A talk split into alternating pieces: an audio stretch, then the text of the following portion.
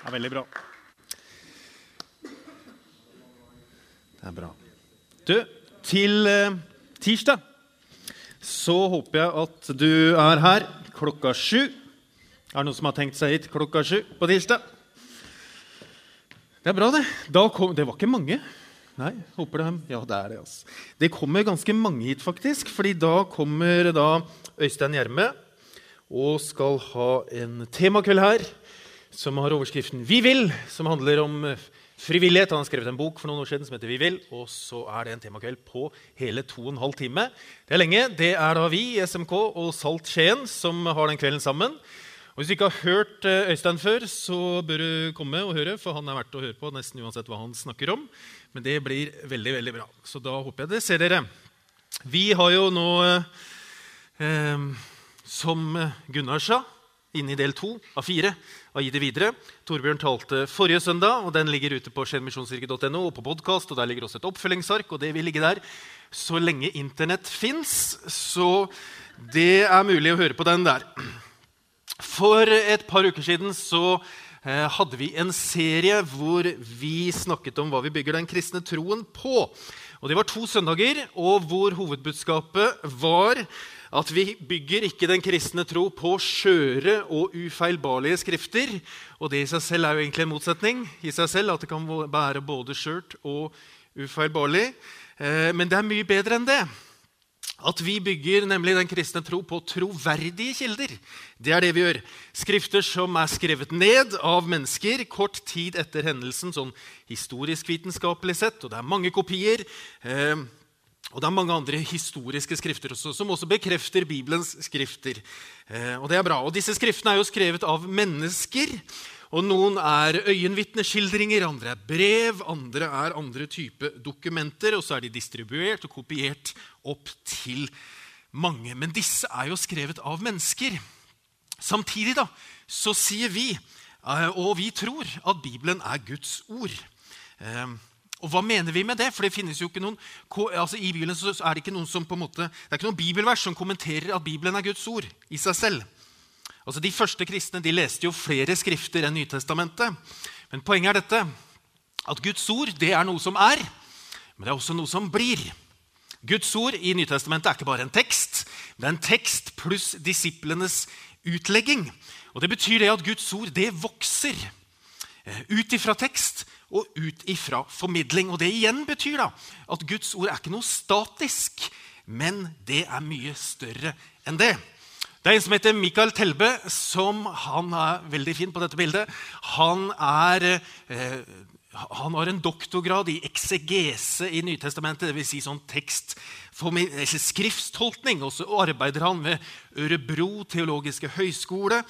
Eh, og så er han redaktør i noe som heter NTB, som ikke er Norsk Telegrambyrå, men det står for Nya testamentets budskap, som er en sånn serie bibelkommentarer eh, i Nytestamentet. Han sier det, at vi trenger en evangelisk bibellesning.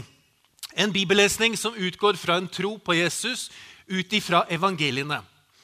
Hvis jeg sier Bibelen er Guds ord, så sier det noe mer om meg og hvordan jeg oppfatter teksten enn om teksten i seg selv. Spørsmålet er heller hva gjør teksten med meg?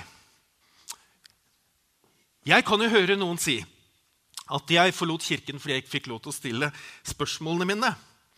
Og jeg tenker at Vi som kirke har én utfordring, minst. Vi har jo mange, selvfølgelig, men én. Og Den ene er, og det er utfordringen i forhold til det å stå for en tydelighet på noe men også å åpne opp for undring. Og Det betyr at vi må være veldig bevisst på eh, hva vi skal være tydelige på.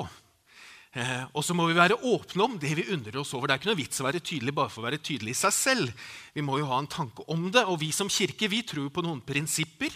Eh, hvordan, men hvordan disse prinsippene anvendes i ditt og mitt liv, det tror vi faktisk eh, at du klarer å finne ut av selv ut ifra disse prinsippene. Fordi vi lever jo forskjellige liv, og det er veldig vanskelig å skulle presse alle inn i samme form og samme eh, karm, på en måte, spesielt når Gud har skapt oss unike. I denne annonsen til dette møtet så sto dette sitatet her, fra N.T. Wright. Og Han er en av våre tids største bibelkommentatorer, så hvis du kommer over en bok av N.T. Wright, så bør du lese den. Han sier Kast en regelbok i folks hoder, eller gi dem en liste på ulike læresatser, og de kan dukke og komme unna, eller helt enkelt ikke holde med eller vende ryggen til. Men gi dem en fortelling og du innbyr dem til, et, til, en annen verden. Du innbyr dem til å dele et verdensbilde, eller enda bedre et gudsbilde. Og Vi som kirke trenger å løfte opp fortellingen om Gud og oss.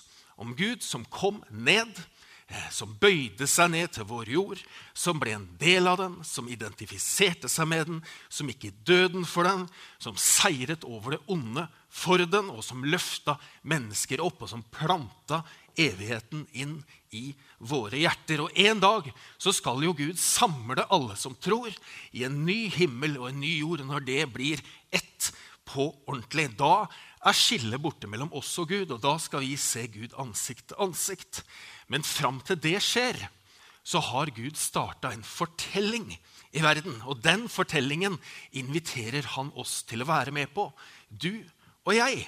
Fordi Gud virker i verden i dag. Og vi kan jo gjøre ganske mye uten Gud i verden i dag. Det kan vi gjøre. Det er jo mange som gjør mye i verden uten Gud.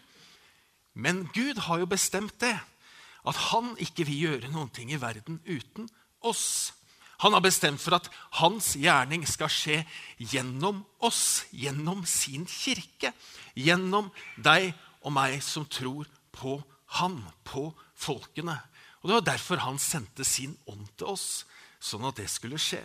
Og Det betyr, som N.T. Wright sier, at kristen tro er ikke et sett med læresetninger eller bibelvers. Den er praktisk, den er levende, den er en fortelling som du og jeg er invitert til å delta i. Og Da kan vi jo spørre oss er det påbud eller er det gledesbud. Hviler troen på eh, påbud, eller hviler den på noen gledesbud?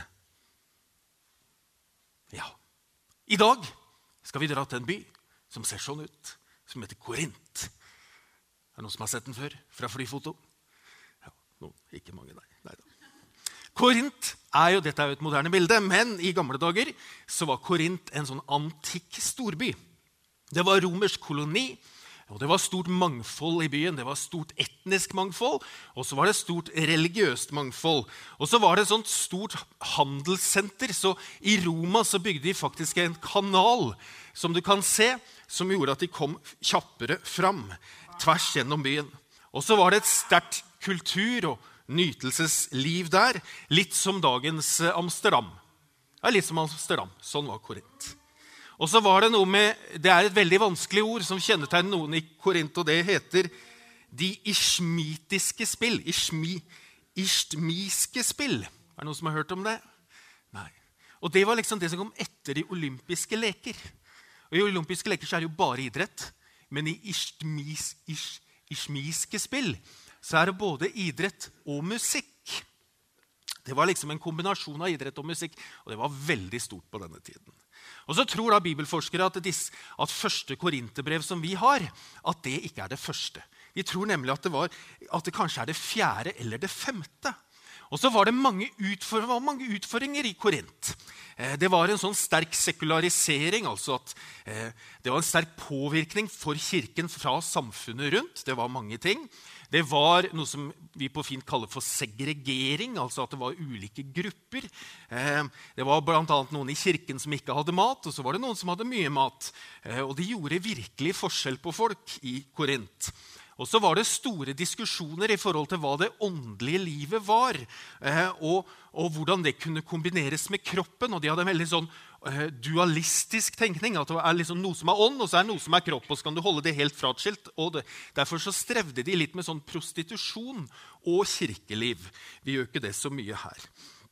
Um, og så var det da, akkurat som i dag, en sånn diskusjon om det var mulig å skille det åndelige fra livet ellers. Altså, Jeg er kristen, jeg tror på Jesus, men det får ikke noen konsekvenser for livet mitt ellers.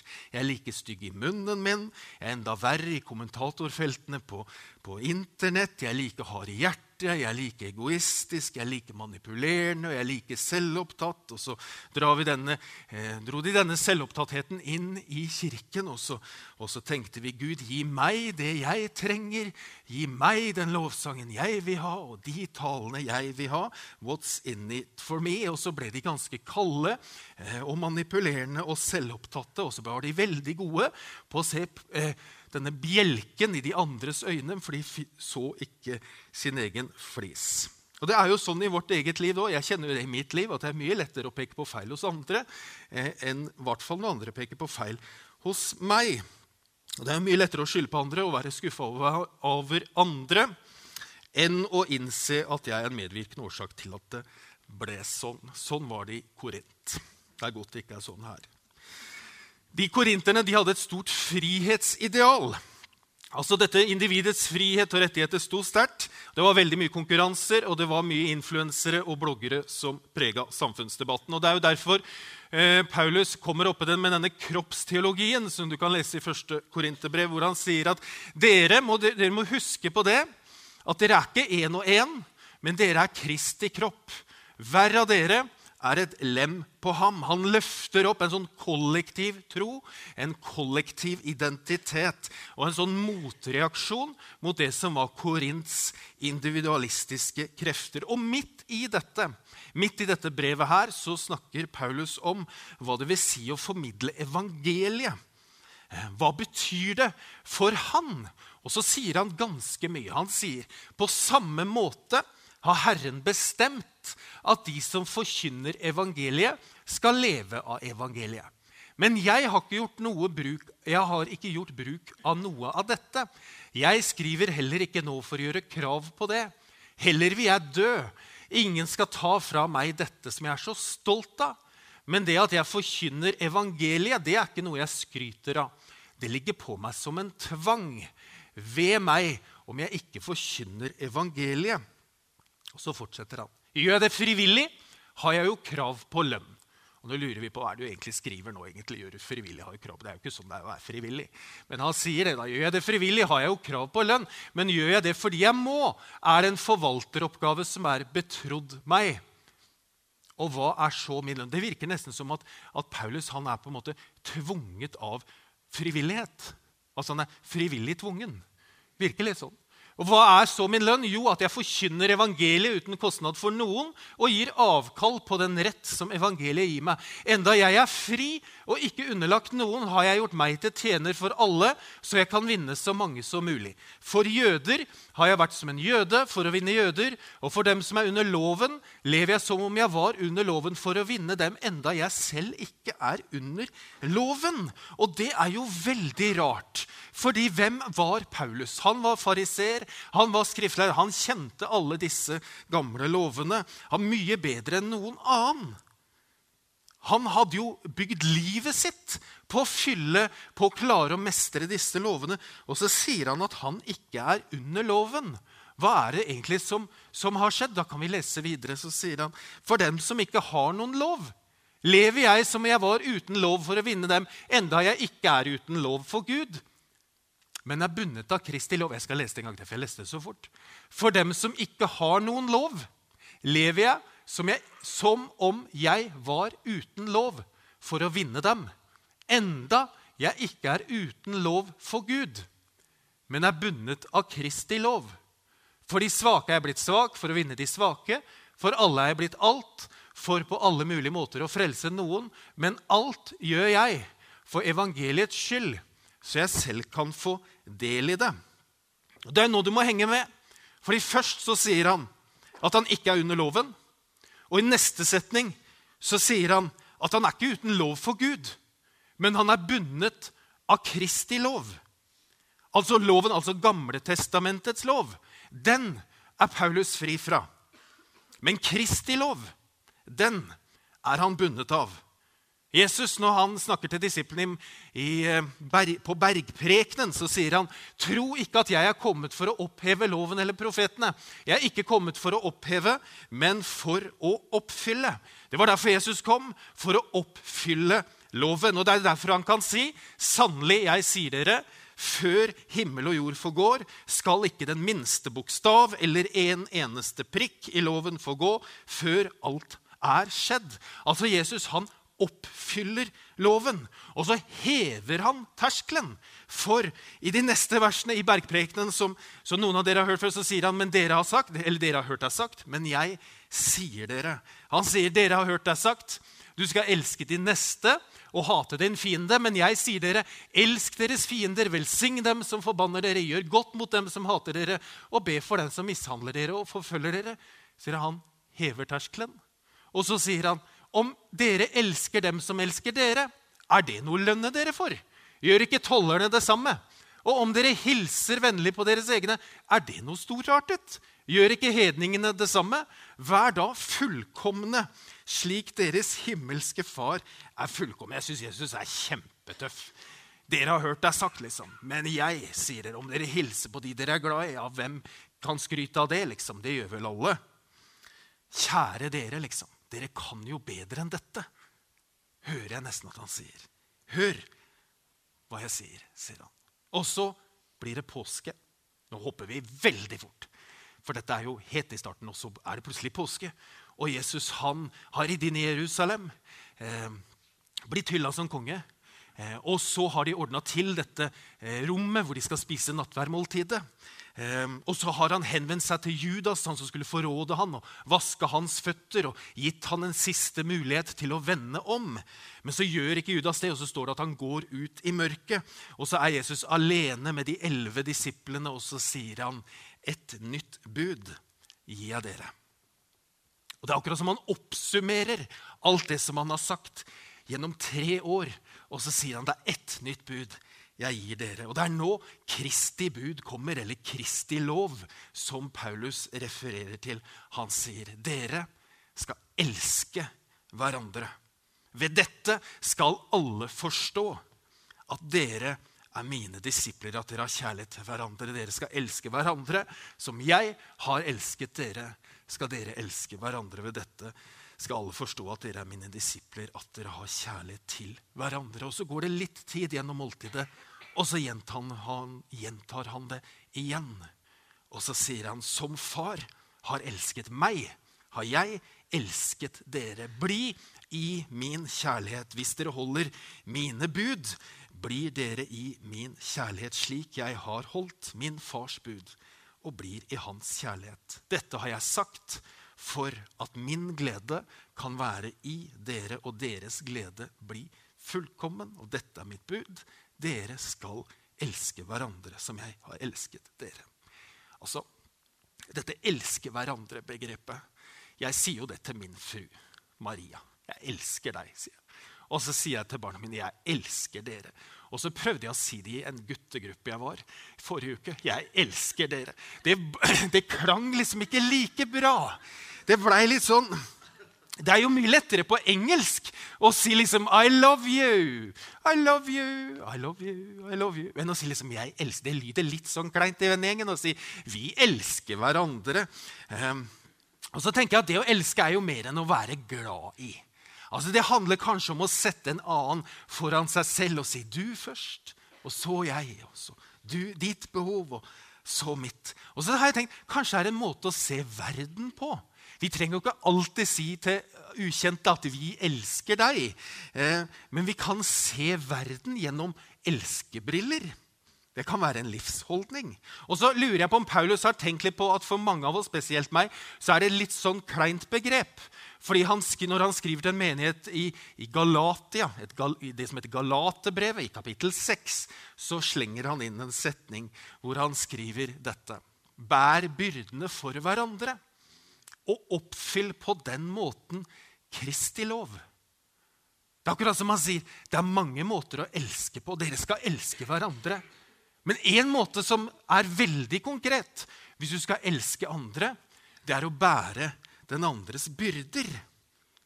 For gjennom å gjøre det så oppfyller dere Kristi lov.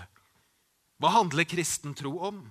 Og Det handler om en stor fortelling, en lang fortelling som starta i Gamle testamentet, bevega seg gjennom Nytestamentet, og så er den her i dag. Og så inviteres vi til å være med i denne store fortellingen som Jesus oppsummerer med 'elsk hverandre'.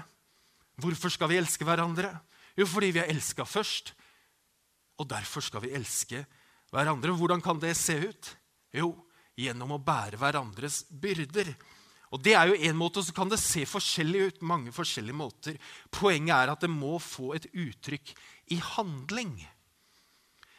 Jakob, han som var broren til eh, Jesus, han som var overbevist om at Jesus var hans herre og mester, og han som måtte dø fordi han holdt sin brors løfter eh, høyere enn ordene i Det gamle testamentet, han sier jo det.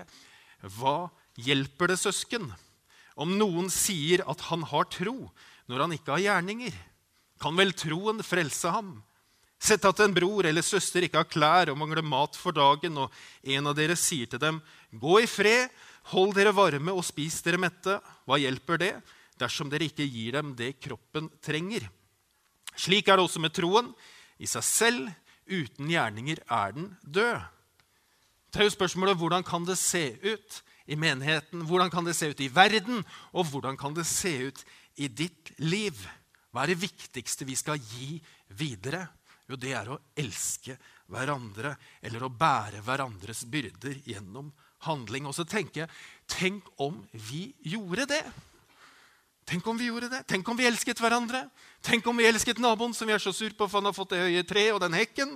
Tenk om vi elska klassekompisene våre selv om de lagde sånne dyre, eller ikke dyre, men sånne dumme Snapchat-chatter? Tenk om vi elsket de som utfordret oss, de som vi er lei av, de som angriper oss? Ja, tenk om vi i stedet for å gå i skytter skyttergrav liksom, på, på, alle disse grusomme sånn, kommentarfeltene på Internett.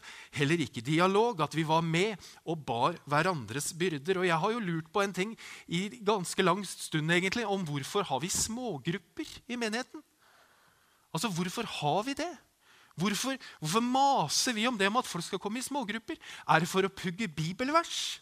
Er det for å bli veldig god i Skriften? Eller er det for å bære hverandres byrder? Er det for å snakke sant om livet og sant om Gud? Er det kanskje derfor vi har smågrupper? Jeg vet ikke. Og så lurer jeg på om vi kan være med på å bære byens byrder. Og da tenkte jeg skulle komme et eksempel. Så kan man tenke Byens byrde det er veldig svært og upersonlig. det kan vi ikke gjøre. Men, men kanskje dette eksempelet jeg har nå, kan hjelpe. For at jeg fikk på e-post eller først var det en som ringte, og så sa jeg send en e-post, og så gjorde hun det. Og så var det en henvendelse fra barnevernstjenesten i Skien kommune. Eh, og Hun som ringte, hun jobba med disse enslige eh, mindreårige asylsøkere. De som bosettes her. Ehm, og Så er det barnevernet som bosetter dem og følger dem opp. Ehm, men det de trenger, de trenger vennefamilier til disse enslige mindreårige asylsøkere. Altså Disse barna de går på skole, de går på fritidsaktiviteter, men de aller fleste kjenner ingen norske i det hele tatt. De har ingen nordmenn i sitt nettverk.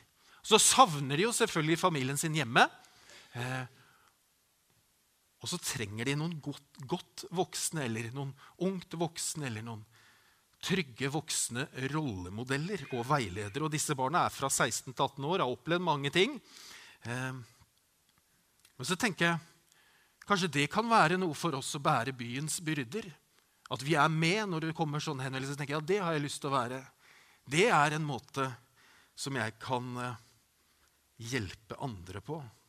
Så hvis du har tid til å sette av noe tid til å være sammen med noen som ikke har noen andre, eh, så er det ganske kort vei fra det trygge her inne til de som ikke har noen der ute.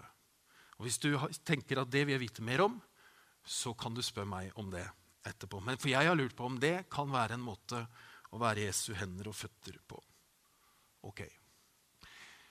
Ok. En, jeg, jeg, jeg, skal nå gå gjennom kort den bibelhistorien og lure på er du ikke snart ferdig og skal du trekke opp enda en bibelhistorie. Men, men, men denne bibelhistorien tror jeg aldri jeg har talt om. Og Det er litt rart, for den har jeg hørt så mange ganger på søndagsskolen. Eh, og den handler om fem kompiser. Eh, Noen av dere har hørt den før. da. Det regner jeg med. Jesus han er i en by som heter Kapernaum, og ryktene går om at han er hjemme. Eh, og så strømmer folk til, akkurat som disse gamle vekkelsesmøtene med Mangs, hvor de sto i kø på utsida her. De folk kom ikke inn, for det var så mye folk. Eh, og så kommer en kompisgjeng. De er fem stykker, og en av dem eh, går ikke selv fordi han er lam. Og så blir han båret av kompisene sine til huset der Jesus er. Og så er det så mye folk at de kommer jo ikke inn. De kommer ikke fram til døra engang. Men så er disse kompisene de er så inderlig glad i vennen sin. Så de tenker, hva i all verden, Hvordan skal vi få han fram til Jesus? Og så er det en som er litt mer modig enn de andre, som sier vi kan jo gå på taket og så kan vi grave et hull. Eh, og så kan vi fire han ned. De tenkte jo ikke på konsekvensene, de. Altså, Hvem skal reparere taket etterpå? Altså, Hvem har han forsikring, liksom? Eh, hvem skal rydde opp? Tenk om noen får stein i huet når vi graver opp. Hvem skal rydde etter kirkekaffen? Hvem var det som måtte rydde her etter at det var fest her i går? Kan de ikke lære seg å rydde opp, liksom? Hvorfor må det bli så mye greier? Det er jo ikke den måten vi gjør det her, å fire folk ned gjennom taket. Men det gjorde de, vet du. Og så sier Jesus, eller da Jesus så deres tro, sto det. Ikke den lammes tro, men gjengens tro. Guttas tro. Når han så deres tro jeg tror, Det var ikke sikkert de sa noe gang. De trengte ikke å si noe, for han kom jo ned gjennom taket. Og da trenger du ikke å si så mye når folk kommer ned gjennom taket. Men da Jesus så deres tro, så sa han til den lammes sønn, syndene dine er tilgitt. Så sa han en del andre ting, og så ble det litt sånne utfordringer. Og så sier han til slutt, stå opp, ta båren din og gå. Jeg vet ikke hva det betyr for deg å bære hverandres byrder. Jeg vet ikke hva det betyr for deg heller å elske hverandre. Men jeg tenker at av og til så skal vi ikke være så opptatt av hva andre tenker, men at vi skal gjøre det som er rett. Nemlig å elske hverandre og elske med handling. Fordi jeg tror at gjennom å elske gjennom handling så kan du bære noen frem til troen på Jesus Kristus. Om ikke enhver du er i kontakt med, kommer til tro av den grunn, så har de i hvert fall opplevd at de er elsket av noen. Hvis troen vår skal være troverdig og gjøre at folk ønsker å ta det med seg videre i livet, og at det skal gi et sånt godt fundament for neste generasjon, så må troen få konsekvenser i handling. Da må vi gi videre en handlingens tro. Du er fri fra lovens krav, men du er bundet av Kristi lov. Elske hverandre som Han har elsket deg. Skal vi be. Far i himmelen, takk for at du er så utrolig raus med oss. Takk for at din nåde er ny hver eneste dag for hver og en av oss. Uansett hva slags situasjoner vi havner i, uansett hvordan vi har det, uansett hva vi gjør, så har du elsket oss med en kjærlighet som aldri forgår. Herre, hjelp oss til å bringe denne kjærligheten videre. Ikke som et krav, ikke som et påbud, men som et sånt gledesbud.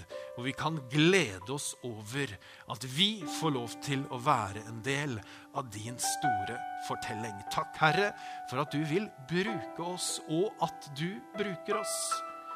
Og hjelp oss til å få dine øyne, så vi kan se det du ser. Amen. Da skal Hanna synge en sang for oss.